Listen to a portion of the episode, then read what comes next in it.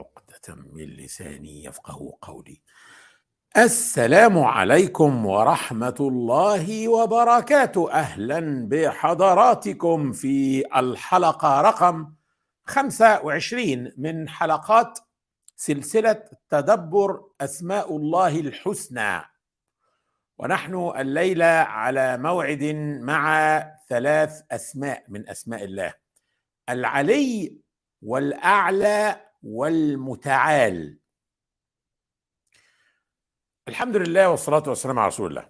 طيب النهاردة زي ما قلنا كده هنبدأ أسماء الله العلي والأعلى والمتعال وهنفضل نتكلم فيها ثلاث حلقات.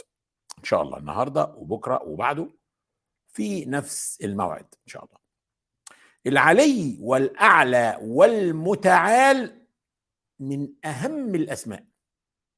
ومن أكثر الأسماء التي اختلفت عليها المذاهب. ولما أقول المذاهب لا أقصد المذاهب الفقهية. المذاهب الفقهية الأربعة المشهورة المذهب الحنفي والمذهب المالكي والمذهب الشافعي والمذهب الحنبلي ونضم لهم المذهب الظاهري. دي مذاهب فقهية اختلافاتها حول الأحكام الشرعية. يعني ده حلال وده حرام وده ينفع ناكله وده ما ينفع ما ناكلوش. الكابوريا والاستاكوزا مثلا في بعض المذاهب لا يجيزوها. ومذاهب أخرى بتقول حلال من صيد البحر يعني. لكن في العقيدة هناك مذاهب أخرى مذاهب فكرية أخرى مذاهب عقائدية. المذهب الأثري اللي هو أهل الأثر اللي هم بيسموا نفسهم المدرسة السلفية وهناك المذهب الأشعري والمذهب الماتريدي وهم قريبين من بعض جدا وهو مذهب التأويل. وبيختلفوا مع بعض بقى إيه المدرستين الكبار دول حول صفات الله وأسماء الله. مثلا الآية اللي, بتقول يد الله فوق أيديهم. المذهب الأثري أو يعني المدرسة السلفية تقول يد الله يبقى نؤمن أن لله يدا ليست كأيدينا لأنه لا يجوز تشبيه الله بمخلوقاته. أهل التأويل اللي هم بقى الايه الأشاعرة يؤولون كلمة اليد بمعنى القوة ويقولوا لو قلت له يد فقد اثبتت له العضو. حتى لو قلت ليست كأيدينا يبقى عنده عضو اسمه اسمه اليد. فهذا في تجسيم فهذا لا يكفي بيقولوا برضه. فيردوا عليهم المدرسة السلفية يقولوا يعني إزاي بالعقل كده بعد ما ربنا قال يد الله فوق أيديهم تتجرأوا وتقولوا ملوش يد. خلاص ربنا قال له يد يبقى له يد لكن ليست كأيدينا. كلام مقنع برضه. الاشاعره يقولوا لا ده إحنا عندنا أدلة إن كلمة يد تأتي بمعنى القوة. زي مثلا الآية الكريمة اللي ربنا في سورة صاد بيصف فيها الأنبياء فبيقول آآ آآ واذكر عبادنا إبراهيم وإسحاق ويعقوب أولي الأيدي والأبصار. فربنا بيميزهم عن الناس فبيقول أولي الأيدي معقول ربنا يقصد إن عندهم إيدين؟ ما الناس كلها عندها إيدين فيبقى ربنا بيتكلم إن هم عندهم قوة وعندهم عزيمة. تسمع لدول تقتنع تسمع لدول تقتنع. المشكلة مش إنهم بيختلفوا الاختلاف ده شيء طبيعي. المشكلة إنهم بيتخانقوا وبيتهموا بعض بالانحراف العقائدي. أنتوا مجسمة وحشوية وانتوا مش عارف إيه وبيقعدوا يتهموا بعض الاتهامات كل واحد منهم كمان بيطلق على نفسه أهل السنة والجماعة. والاثنين أهل سنه وجماعه عشان تبقوا عارفين ولكن لهم آراء مختلفة. لكن لا يخرجهم هذا عن أهل السنة والجماعة. وأنا الكلام اللي بقوله ده لا هيرضي دول ولا هيرضي دول. ما يفرقش معايا. أنا مش عايز أرضي حد. أنا عايز أرضي ربنا وبقول اللي في ضميري. عشان تبقوا عارفين هناك مذهب ثالث وهو مذهب المفوضة. اللي بيقولوا إيه؟ نؤمن بصفات الله على مراد الله. يعني إحنا بنفوض ال... بنفوض ربنا في معاني هذه الصفات خلاص. يعني إحنا مش قادرين نوصل خلاص أنا بفوض ربنا في معناها يعني لا داعي للخوض في المتشابهات اللي أعلى من مستوى فهمنا. وده موضوع حساس يخص صفات الله. ليه هنتكلم فيه و و و ونطلع غلطانين؟ طب ما نفوض ربنا فيها وخلاص. دول كمان ما خلصوش منهم. انتقدوهم وقالوا أنتوا بتتهموا ربنا ان بيقول كلام غير مفهوم. يعني معقول ما نفهمش صفات ربنا؟ فردوا عليهم قالوا لهم يا جماعة نحن نعلم عن الله لكننا لا نعلم كل شيء عن الله. وعندهم على كده دليل وهو في سورة طه قول الله تعالى يعلم ما بين أيديهم وما خلفهم ولا يحيطون به علما. لا يوجد إنسان يحيط بالله علما أبدا. إذا كان روحك روحك اللي فيك اللي جواك أنت لا تدرك طبيعتها. هتفهم كل شيء عن الله. المشكلة إن أهل كل مدرسة من هذه المدارس الفكرية يدعي إنه معظم السلف كانوا على هذا المذهب. لما أقول السلف أقصد الأجيال الثلاثة الأولى التي أثنى عليها رسول الله صلى الله عليه وسلم. النبي صلى الله عليه وسلم له حديث صحيح بيقول خير الناس قرني يعني قرن يعني جيل. جيلي. اللي هو جيل النبي والصحابة. خير الناس قرني ثم الذين يلونهم ثم الذين يلونهم. وحديث له يعني بقية بقى. بعد كده بيجي ناس مش عارف يعني بيتكلم عنهم بأنهم يعني إيه يعني ممكن يشهدوا زور والكلام ده لكن خير الناس الثلاث أجيال الأولى. الإمام النووي في شرح مسلم آه، بيقول إنه المقصود بها جيل الصحابة ثم التابعين ثم تابعي التابعين. المفوضه قالوا مثلا إن معظم السلف كانوا كده إن السلف كانوا لا يخوضوا في هذه المعاني. مين سمع حد من الصحابة بي بي بي بي بي بي بيتكلم في الكلام ده وبيختلف مع صحابي تاني في الكلام ده ربنا يبارك عندهم وجهة نظر برضه يعني. يعني واستدلوا بقول الإمام مالك. لما الإمام مالك سئل عن الاستواء يعني في رجل سأله عن آآ آآ الآية اللي في سورة الحديد هو الذي خلق السماوات والأرض في ستة أيام ثم استوى على العرش. قال له اشرح لنا الاستواء. إيه هو الاستواء؟ إزاي ربنا استوى؟ استوى على العرش إزاي؟ فقال الإمام مالك الاستواء معلوم والكيف مجهول والسؤال عنه بدعة والإيمان به واجب. الاستواء معلوم لأن الله أعلمنا به قال استوى على العرش. إذا نحن علمنا وربنا أعلمنا أنه استوى على العرش. إذا الاستواء معلوم. الكيف مجهول لا يجوز إنك تظن إن ربنا جالس على كرسي. ده تجسيم لله. وكل ما يصل إليه خيالك فالله سوى ذلك. لا يمكن هتتصور الله سبحانه وتعالى ولا آآ آآ شيء يخص صفاته على حقيقتها ابدا مش هتقدر تفهمها. هتبقى تجسيم لله. لما تقول تفتكر إن ربنا قاعد على كرسي. فنحن ننزه الله عن الجسمية. ربنا ليس جسما ولا يحل في مخلوقاته. ربنا لا يحل في مخلوقاته. طيب. اذا الكيف مجهول. يبقى قال له الاستواء معلوم والكيف مجهول. اسمع بقى دي. والسؤال عنه بدعة. يعني إيه؟ هل سأل أحد من الصحابة النبي عليه الصلاة والسلام عن كيفية الاستواء؟ ليه؟ طب الصحابة ما سألوش ليه؟ كانوا يعلمون أن العقل الانساني له حدود بيقف عندها. زي ما البصر له حدود. يعني بعد كذا كيلو متر أنت ما بتقدرش تشوف. السمع له حدود فوق مثلا 120 ديسيبل ما تسمعش. أنت ممكن أصلا يصيبك الصمم يعني تطرش. لو لو حصلت موجة فوق ال 120 ديسيبل. كذلك العقل له حدود. عموما دي مذاهب أهل السنة والجماعة اللي موجودة الثلاثه دول. هل لازم نلتزم بواحد منها ونمشي عليه؟ لا. أنا رأيي كده. اللي مش عاجبه هو حر. يعني انت يا جماعة حقكم يا جماعة. أنا ممكن أقول غلط على فكرة بس أنا بقول لكم أنا أرى إن لا يوجد إلزام بإني أمشي على مذهب واحد منهم. خالص. زي المذاهب الفقهية برضه ممكن تمشي على مذهب أبو حنيفة في أمور الأسرة والزواج والطلاق والكلام ده كله. وتمشي على مذهب الإمام الشافعي في الطعام والذبح الحلال ومش... وتمشي على مذهب الإمام مالك في المعاملات المالية ومش... مفيش ما يلزمك إنك تمشي على مذهب واحد. ولك ده ترقيع ده مش ترقيع. النبي صلى الله عليه وسلم ما خير بين أمرين إلا واختار أيسرهما. وهذه المذاهب نشأت بعد جيل الصحابة كمان. وفي جيل التابعين وفي جيل تابعي التابعين. طب واللي قبلهم اللي ما كانوش ماشيين على مذهب خالص يبقى اذا ما فيش ما يلزمنا. طيب. كذلك في مسألة الأسماء والصفات. أنت ممكن تاخد بمذهب المدرسة السلفية في صفات معينة.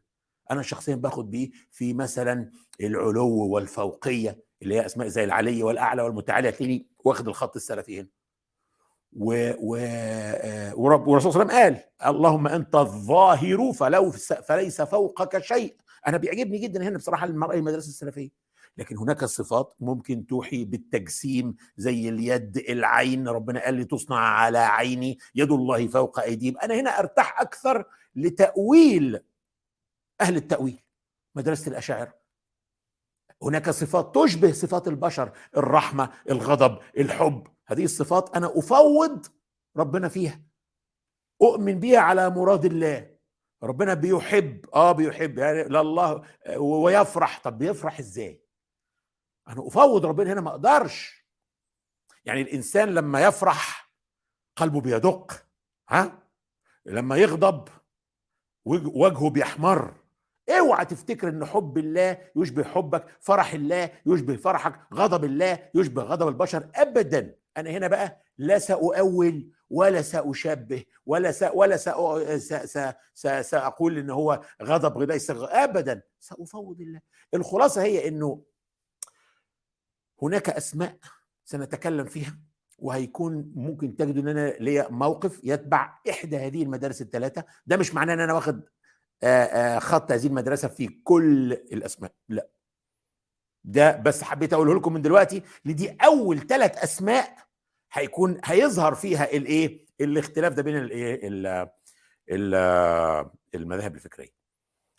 نصيحتي لكم إذا أردتم النجاة يوم القيامة ابتعدوا عن هذه الخناقة. خناقة بقالها قرون وما خلصتش ومش هتخلص. والله ناس كتير هتتحاسب حساب عسير بسبب هذه الخناقة. خد بأي رأي فيهم لكن لا تكفر أحد لا تبدع أحد من المدرستين. ما تقولش التاني صاحب بدعة. ونصيحة بقى ما تدخلوش في النقاشات دي لأن لا طائل منها. مش هينبني عليها عمل. وبناء عليه أرجو ما حدش يزعل مني لما ما ردش على رسايله لما يقول لي أنا عايز أناقشك في الصفة دي من صفات الله. لما الاقيه ما بردش لا مش هرد. أنا لا رديت قبل كده ولا برد حاليا ولا هرد في المستقبل لأني لا يمكن أسمح لنفسي. بالانزلاق إلى هذا الأمر لأن والله هناك ما هو أهم منه بكتير. ألف مرة ألف مرة. هموم الأمة مشاكل شباب الأمة من إلحاد ومادية وإباحية وشذوذ وضعف إيمان وبعد عن تدبر القرآن. عندي أهم مليون مرة من الجدال في مسائل لم تحسم ولن تحسم. خلاص؟ طيب. دي كانت مقدمة طويلة ربع ساعة قبل ما نبدأ الأسماء اللي هنتكلم فيها النهارده وهي أسماء اسماء الله الحسنى العلي والأعلى والمتعال. بس كان لازم بصراحة إيه؟ كان لازم نعمل المقدمة دي. العلي.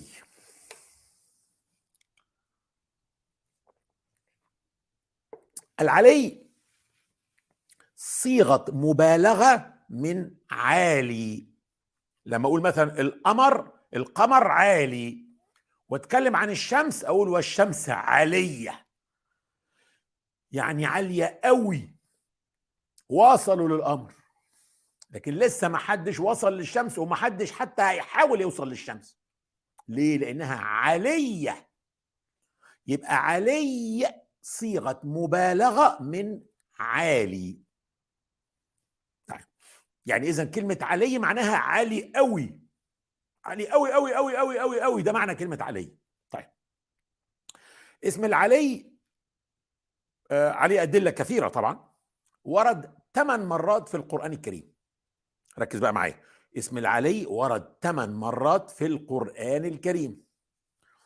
ست مرات منهم معرف بآل ومرتين منونا. فاكرين؟ بيت الشعر بتاع ألفية ابن مالك. آه لا. آه ألفية ابن مالك. الإمام إمام النحو. اللي لخص فيها قواعد النحو والصرف.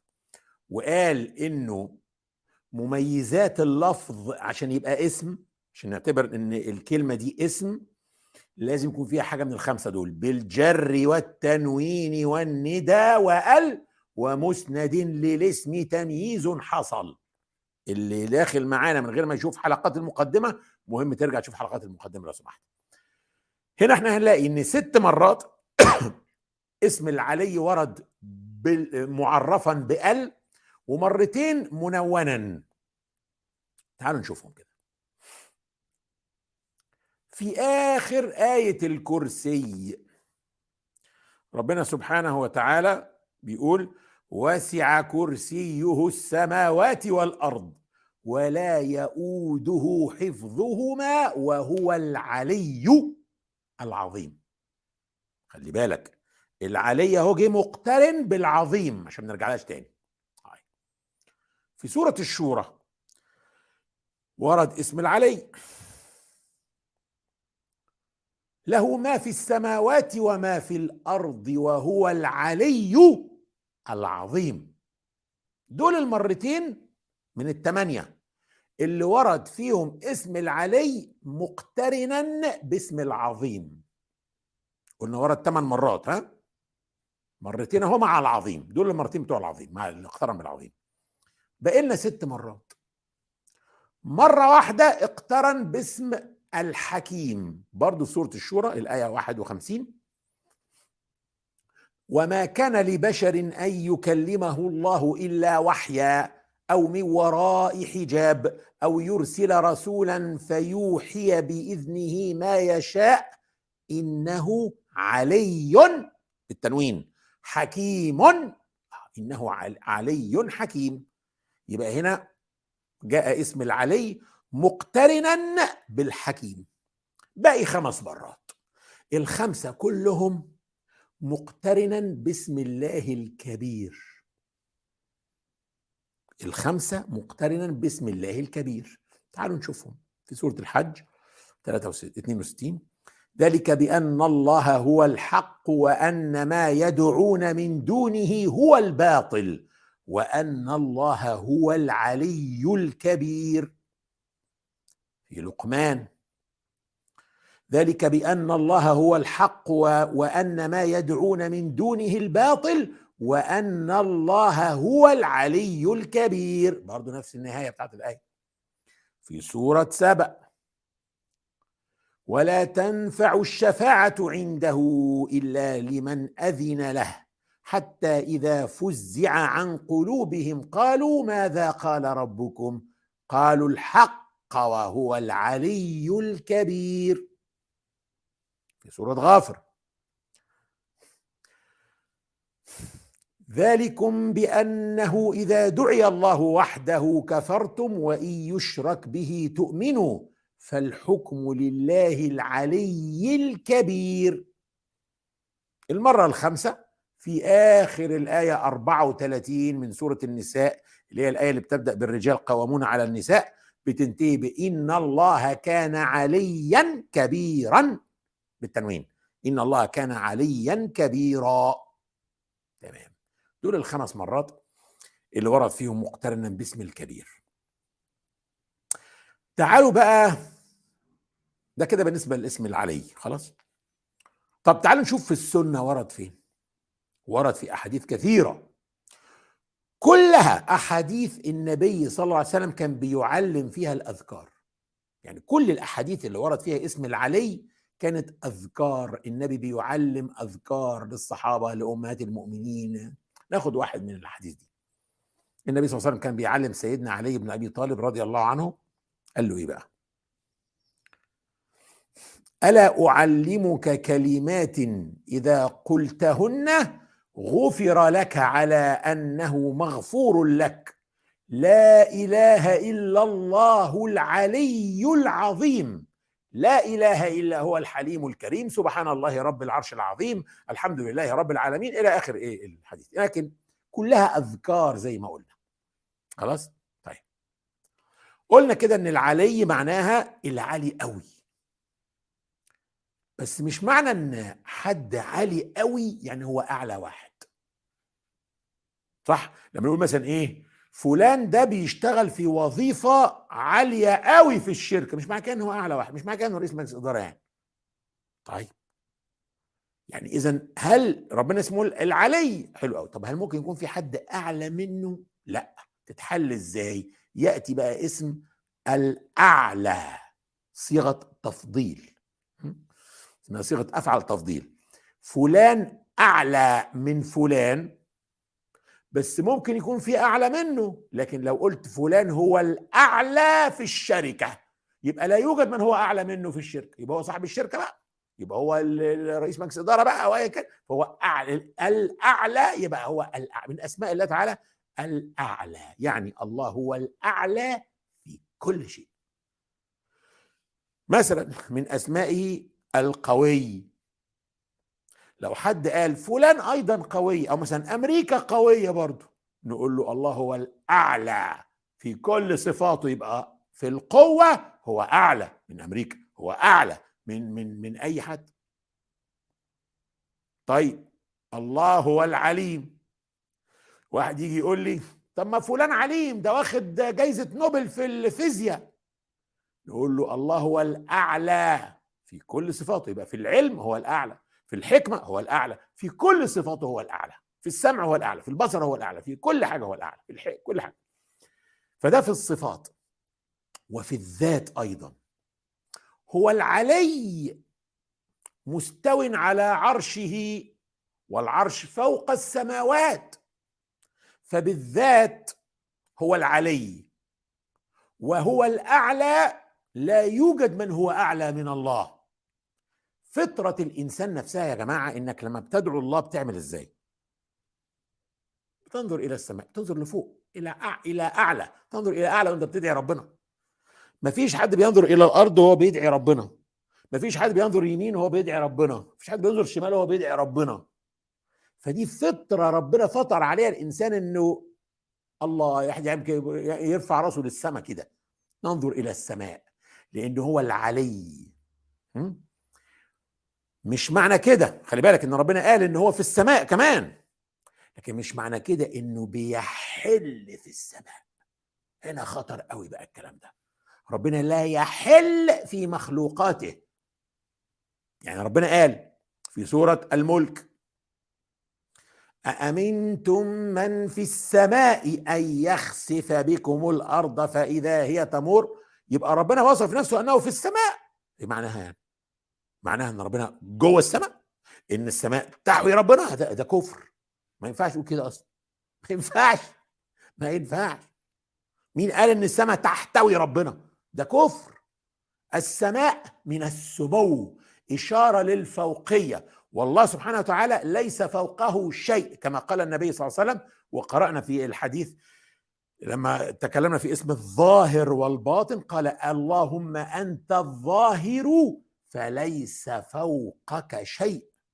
اللهم أنت الظاهر فليس فوقك شيء.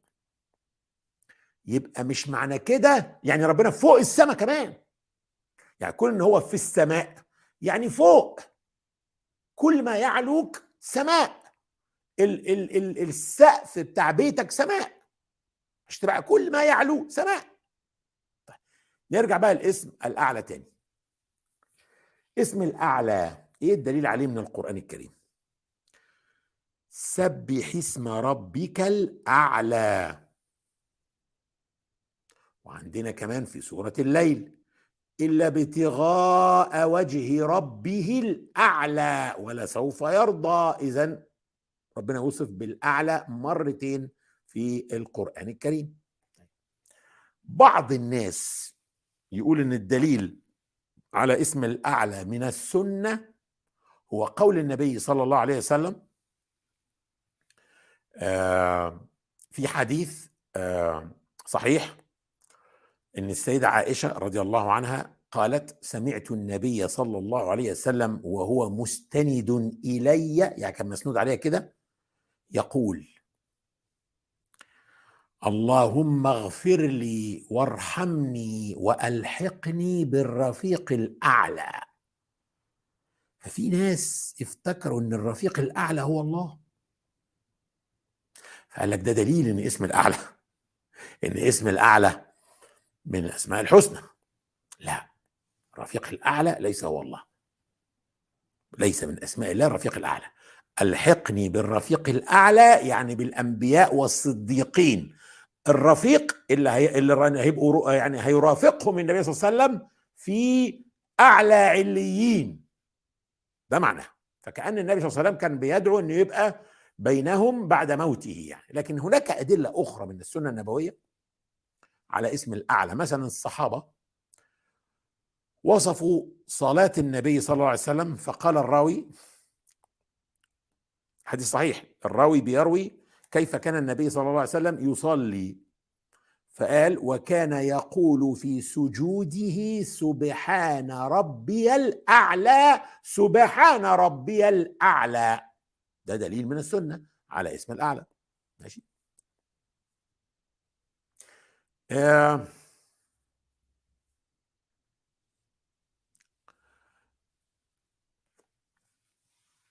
خلي بالكم مثلا لما نيجي مثلا نبص في طبعا أكتر واحد ادعى أو تعالى أو استعلى كان فرعون. ربنا لما أرسل موسى عليه السلام لفرعون قال له إيه؟ اذهب إلى فرعون إنه طغى فقل هل لك إلى أن تزكى وأهديك إلى ربك فتخشى؟ طب هو فرعون طغى لأنه عمل إيه؟ فحشر فنادى فقال أنا ربكم الأعلى. ادعى الربوبية وادعى أنه الأعلى. كانت النتيجة ربنا عمل فيه إيه؟ فأخذه الله نكال الآخرة والأولى. إن في ذلك لعبرة لمن يخشى. ربنا نكل بيه. جعله عبرة لكل إنسان.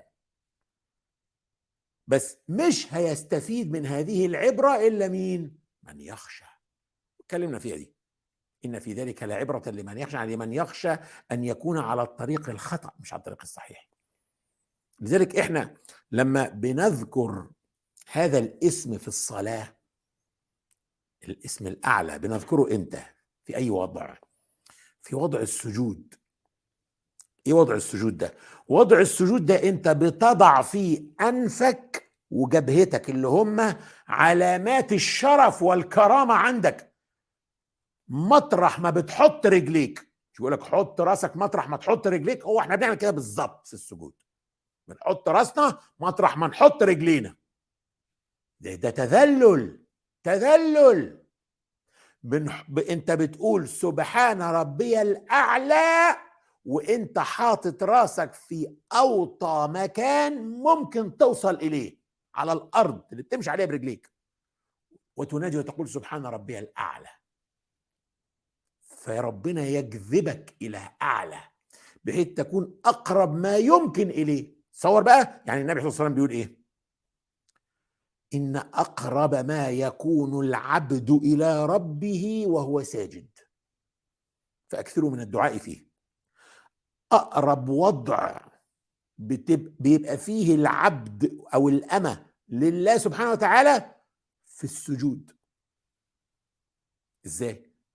يعني إزاي؟ إزاي أبقى في أقرب حالة لله وهو الأعلى وأنا حاطط راسي ها في أسفل نقطة. بينما ربنا هو الأعلى إزاي كده أكون مقرب بقرب من ربنا؟ لأن العزة لله وحده. ربنا بيقول آه.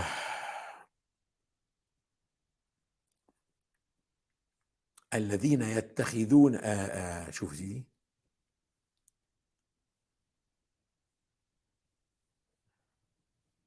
ربنا بيقول الذين يتخذون الكافرين أولياء من دون المؤمنين أيبتغون عندهم العزة؟ فإن العزة لله جميعا. العزة كلها لله وحده. هو الذي يعطي العزة. إذا كلما تواضعت لله أعزك الله ورفعك الله ورفع قدرك ورفع درجاتك. فأقصى تواضع ممكن الإنسان يظهره هو إنه يضع رأسه مطرح ما بيحط رجليه. أكتر من كده إيه تواضع؟ إنك ت... وأنت في أسفل وضع ده راسك في أسفل نقطة تقول سبحان ربي الأعلى. فربنا يعزك ويرفعك ويرفع قدرك ويرفع درجاتك. إنما فرعون بقى عمل إيه؟ تعالى استعلى. فحصل له إيه؟ لما فرعون تعالى تعالى على الله. الله المتعال. ده بقى هياخدنا للاسم الثالث دلوقتي. المتعال. الله المتعال. نكل به. نكل به. مش قلنا. الله هو العلي والأعلى والمتعال. أهو. العلي والأعلى والمتعال. فربنا المتعال نكل به. خلي بالك قلنا الله هو العلي يعني عالي قوي. طب ممكن حد يعلو عليه؟ لا ليه هو الأعلى. يمكن حد يحاول يعلو مع الوقت. يعني حاليا هو الأعلى. طب ما يمكن بعدين؟ لا ده ربنا متعال. يعني إيه متعال؟ يعني متفاعل مع العلو يعني باستمرار في حالة علو مستمر. هو الأعلى باستمرار وهو العلي باستمرار. فهو في علوه مستمر وهو الأعلى دائما وابدا. هذا لم ولن يتغير ولا يوجد متعال إلا الله. المتعال هذا الاسم ورد في القرآن الكريم مرة واحدة فقط في سورة الرعد. لكن هتشوفوا بعد كده انه ورد فعل التعالي فوق العشرين مرة. تعالوا نشوف المرة اللي ورد فيها في سورة الرعد. في سورة الرعد. الله يعلم ما تحمل كل أنثى وما تغيض الأرحام وما تزداد وكل شيء عنده بمقدار عالم الغيب والشهادة الكبير المتعال. فربنا هو المتعال. فلما الحمار اللي اسمه فرعون ده قال أنا ربكم الأعلى عارفين هو عمل إيه المجرم ده؟ ده هو مش بس تعالى لا. ربنا قال وإن فرعون لعال في الأرض وإنه لمن المسرفين. من المسرفين. يعني إيه من المسرفين؟ بصوا. عشان تعرفوا إن ده ده, ده منتهى الإسراف. إن فرعون لا عالم في الأرض وإنه لمن المسرفين. إحنا إحنا في ترجمة مؤسسة الجسور ترجمنا آه، من المسرفين دي among the extremists. يعني مسرف خليناه اكستريم يعني متطرف. فرعون كان متطرف في التعالي بتاعه. ده مش بيتعالى على خلق الله. لأ. ده بيتعالى على الله. يعني لما يقول أنا ربكم الأعلى ادعى الربوبية ها؟ ومعناه إن ماشي عايزين تاخدوا الله رب خدوه لكن أنا أعلى. الله الله يا نهارك أسود. آه. وفي سورة القصص يعني ربنا وصفه بالتعالي أيضا عشان كده لأنه لأنه مجرم في تعاليه. ربنا قال إن فرعون علا في الأرض وجعل أهلها شيعا. فرعون زودها جدا في التعليق قال أنا ربكم الأعلى. يعني ممكن الله يبقى رب كمان. آه ماشي. وأنا رب بس أنا الأعلى. فحصل إيه بقى؟ ربنا قهره باسمه المتعال. اذا اسم المتعال يصف علو القهر. ربنا يقهر كل متعالي. يحاول أن يتعالى في الأرض. واسم الأعلى يدل على علو الشأن وعلو كل الصفات صفات الله تعالى. واسم العلي يدل على علو الذات علو الفوقية. الله هو الظاهر الذي ليس فوقه شيء. شفتوا بقى الثلاث أسماء مهمين إزاي؟ صحيح إن اسم المتعال ورد مرة واحدة في القرآن لكن فعل التعالي ورد حوالي عشرين مرة زي ما قلت لكم. مش هنجيبهم كلهم لكن شوف مثلا ربنا يتعالى فوق أي وصف بالنقص. مثلا سورة النمل. أإله مع الله؟ تعالى الله عما يشركون. ربنا بيتعالى أعلى من هذه الشركيات من أن يكون معاه إله آلهة أخرى. فهو يتعالى فوق أن يكون له شريك في الألوهية. في مثلا ناس ادعوا أن لله ولد المسيحيين قالوا إن ربنا عنده ولد. وفي بعض قبائل العربية قالت إن ربنا عنده بنات الملائكة بنات الله. فاسمع بقى في سورة الأنعام. وجعلوا لله شركاء الجن وخلقهم وخرقوا له بنين وبنات بغير علم. سبحانه وتعالى عما يصفون. تعالى عن هذا الوصف. تعالى عن أن يكون له ولد. في سورة الاسراء سبحانه وتعالى عما يقولون علوا كبيرا. ربنا يتعالى أعلى مما يقولون عنه.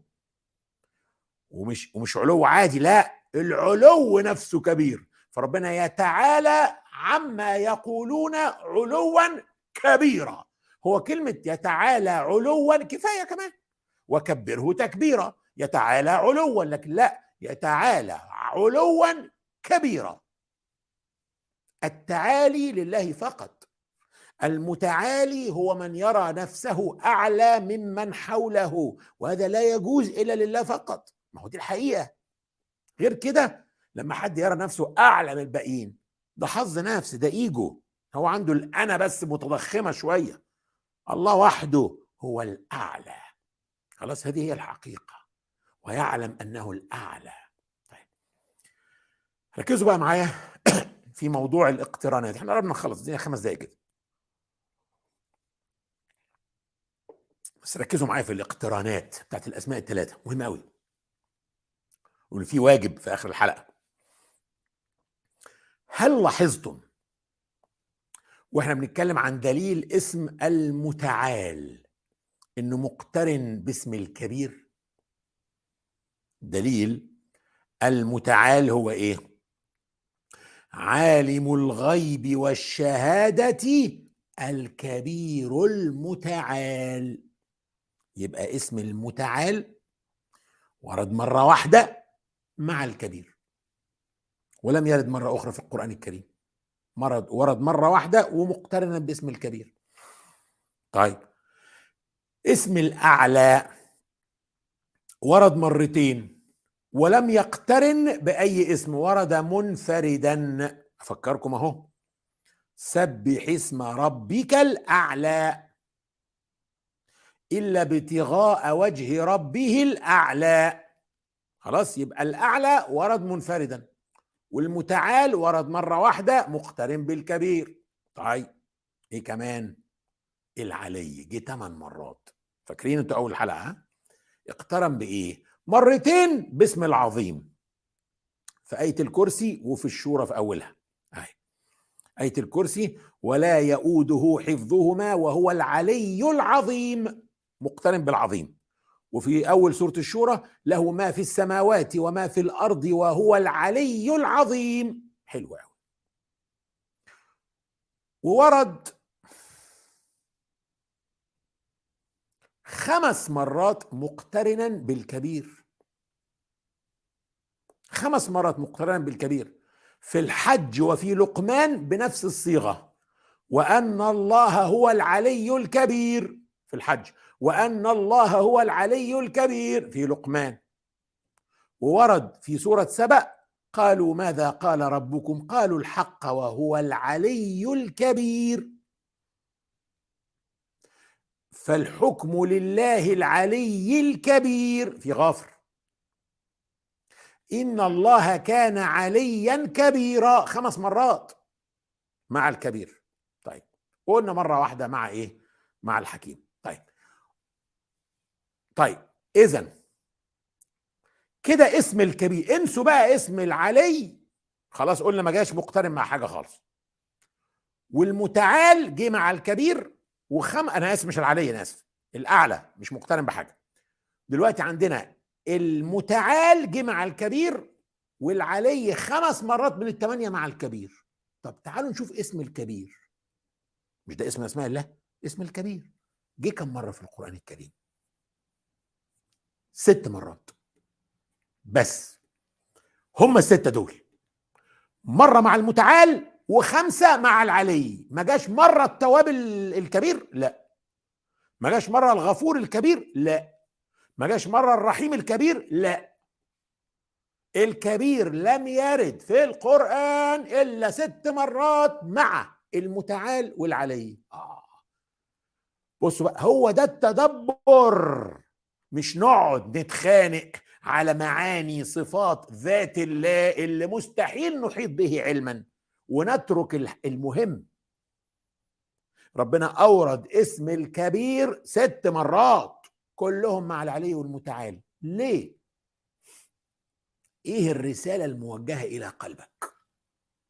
حضراتكم عندكم واجب لبكرة. شوفوا إيه المشترك في السياقات بتاعه الآيات اللي ورد فيها اسم العلي واسم الكبير واسم المتعال واسم الكبير. إيه علاقة العلو بالكبر؟ حاولوا توصلوا لسبب اقتران الاسمين دول ببعض قبل ما نتدبر الموضوع ده مع بعض بكرة. والله أعلى وأعلم. إني داع فأمنوا. اللهم لك الحمد أنت نور السماوات والأرض ومن فيهن ولك الحمد أنت قيام السماوات والأرض ولك الحمد أنت رب السماوات والأرض ومن فيهن. أنت الحق ووعدك الحق ولقاؤك الحق والجنة حق والنار حق والساعة حق. اللهم لك أسلمنا وبك آمنا وعليك توكلنا وإليك أنبنا وبك خاصمنا.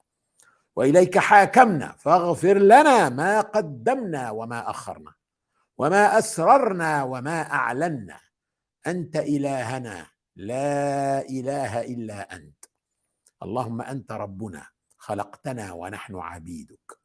ونحن ونحن عبيدك وإماؤك ونواصينا بيدك. ماض فينا حكمك عدل فينا قضاؤك. اللهم ربنا ورب السماوات ورب الأرض ورب كل شيء ومليكه فالق الحب والنوى منزل التوراة والإنجيل والقرآن العظيم. نعوذ بك من شر كل دابة أنت آخذ بناصيتها. أنت الأول فليس قبلك شيء وأنت الآخر فليس بعدك شيء وأنت الظاهر فليس فوقك شيء. وأنت الباطل فليس دونك شيء. اقض عنا الدين وأغننا من الفقر. اللهم أنت الله لا إله إلا أنت أنت الغني ونحن الفقراء إليك. اللهم أغننا بالافتقار إليك ولا تفقرنا بالاستغناء عنك. نعوذ بك من الفقر إلا إليك. اللهم اكفنا بحلالك عن حرامك. وأغننا بفضلك عمن سواك. اللهم ما أمسى بنا من نعمة أو بأحد من خلقك فمنك وحدك لا شريك لك فلك الحمد ولك الشكر.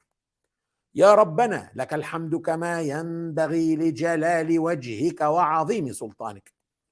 اغفر لنا ذنوبنا أدخلنا في رحمتك وأنت أرحم أرحم الراحمين. وتب علينا. إنك أنت التواب. وحسن أخلاقنا بالصفات الحميدة والأخلاق الكريمة. أعزنا بطاعتك ولا تذلنا بمعصيتك. اللهم إنا نسألك حبك وحب من يحبك وحب كل عمل يقربنا إلى حبك. اللهم ما رزقتنا ما نحب فاجعله قوة لنا فيما تحب. وما زويت عنا مما نحب فاجعله فراغا لنا فيما تحب. اللهم اجعل حبك أحب إلينا من أهلنا وأموالنا ومن الماء البارد على الظمأ.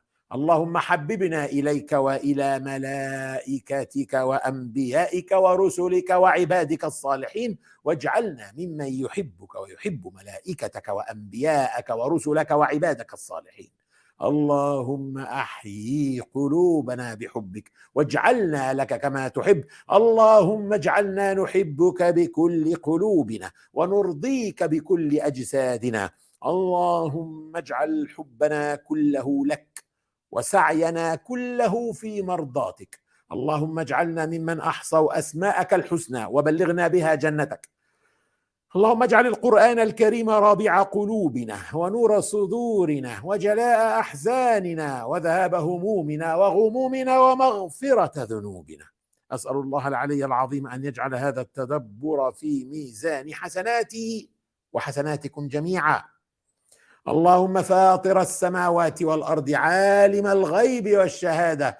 أنت تحكم بين عبادك فيما كانوا فيه يختلفون. فبحق كل حرف في كتابك تلوناه أو تدبرناه. اكفنا وأهلينا وإخواننا وأخواتنا شر كل من يكيد لنا ولهم. واحفظنا وإياهم من شرورهم. ونجعلك اللهم في نحورهم. فأنت الوكيل ولا حول ولا قوة إلا بك. اللهم بحق كل حرف في كتابك تلوناه أو تدبرناه. أيد بنصرك المرابطين في الأرض المباركة فلسطين. يا حي يا قيوم برحمتك نستغيث. اللهم سدد رميهم خيب رمي عدوهم. انصرهم على عدوك وعدوهم. وكن مع إخواننا في تركستان الشرقية وفي الشام وفي كشمير وفي الهند. وانصر من نصرهم واخذل من خذلهم. وطهر المسجد الأقصى من الدنس فإنهم لا يعجزونك. اللهم احفظ المسلمين من الزلازل والغرق والهدم والأمراض. اللهم يا من جعلت النار بردا وسلاما على إبراهيم اجعل السجن بردا وسلاما على عبادك وإمائك المأسورين والمأسورات وعجل بفرجهم وأحسن خلاصهم وفرج كربهم وكن مع المبتلين من عبادك المهجرين من ديارهم ضاعف ثوابهم ثبتهم على دينهم. فإن كانوا جياع فأطعمهم وإن كانوا حفاة فاحملهم وإن كانوا عراة فاكسهم وإن كانوا مرضى فعافهم وإن كانوا مقهورين فانصرهم. واشف صدور عبادك ممن ظلمهم. فأرهم فيه يوما كاليوم الذي شققت فيه البحر لموسى وهارون وأغرقت فيه عدوك. اللهم اشف مرضانا. واهد شبابنا وارض عنا ورضنا واجمعنا في ظل عرشك يوم لا ظل إلا ظلك. واسقنا من يد سيدنا محمد شربة هنيئة لا نظمأ بعدها أبدا ولا تحرمنا لذة النظر إلى وجهك الكريم. اللهم إنك تعلم أن هذه القلوب قد اجتمعت على كتابك وعلى محبتك. والتقت يا ربنا على طاعتك وتوحدت على دعوتك وتعاهدت على نصرة شريعتك. فوثق اللهم رابطتها وأدم ودها واهدها سبلها واملأها بنورك الذي لا يخبو واشرح صدورها بفيض الإيمان بك وجميل التوكل عليك. واحيها يا ربنا بمعرفتك وامتها يا مولانا على الشهادة في سبيلك. إنك نعم المولى. ونعم النصير. وصل اللهم وسلم على سيدنا محمد ونراكم غدا بإذن الله. في نفس هذا الموعد إن كنا من أهل الدنيا ولا تنسوا عمل الواجب. السلام عليكم.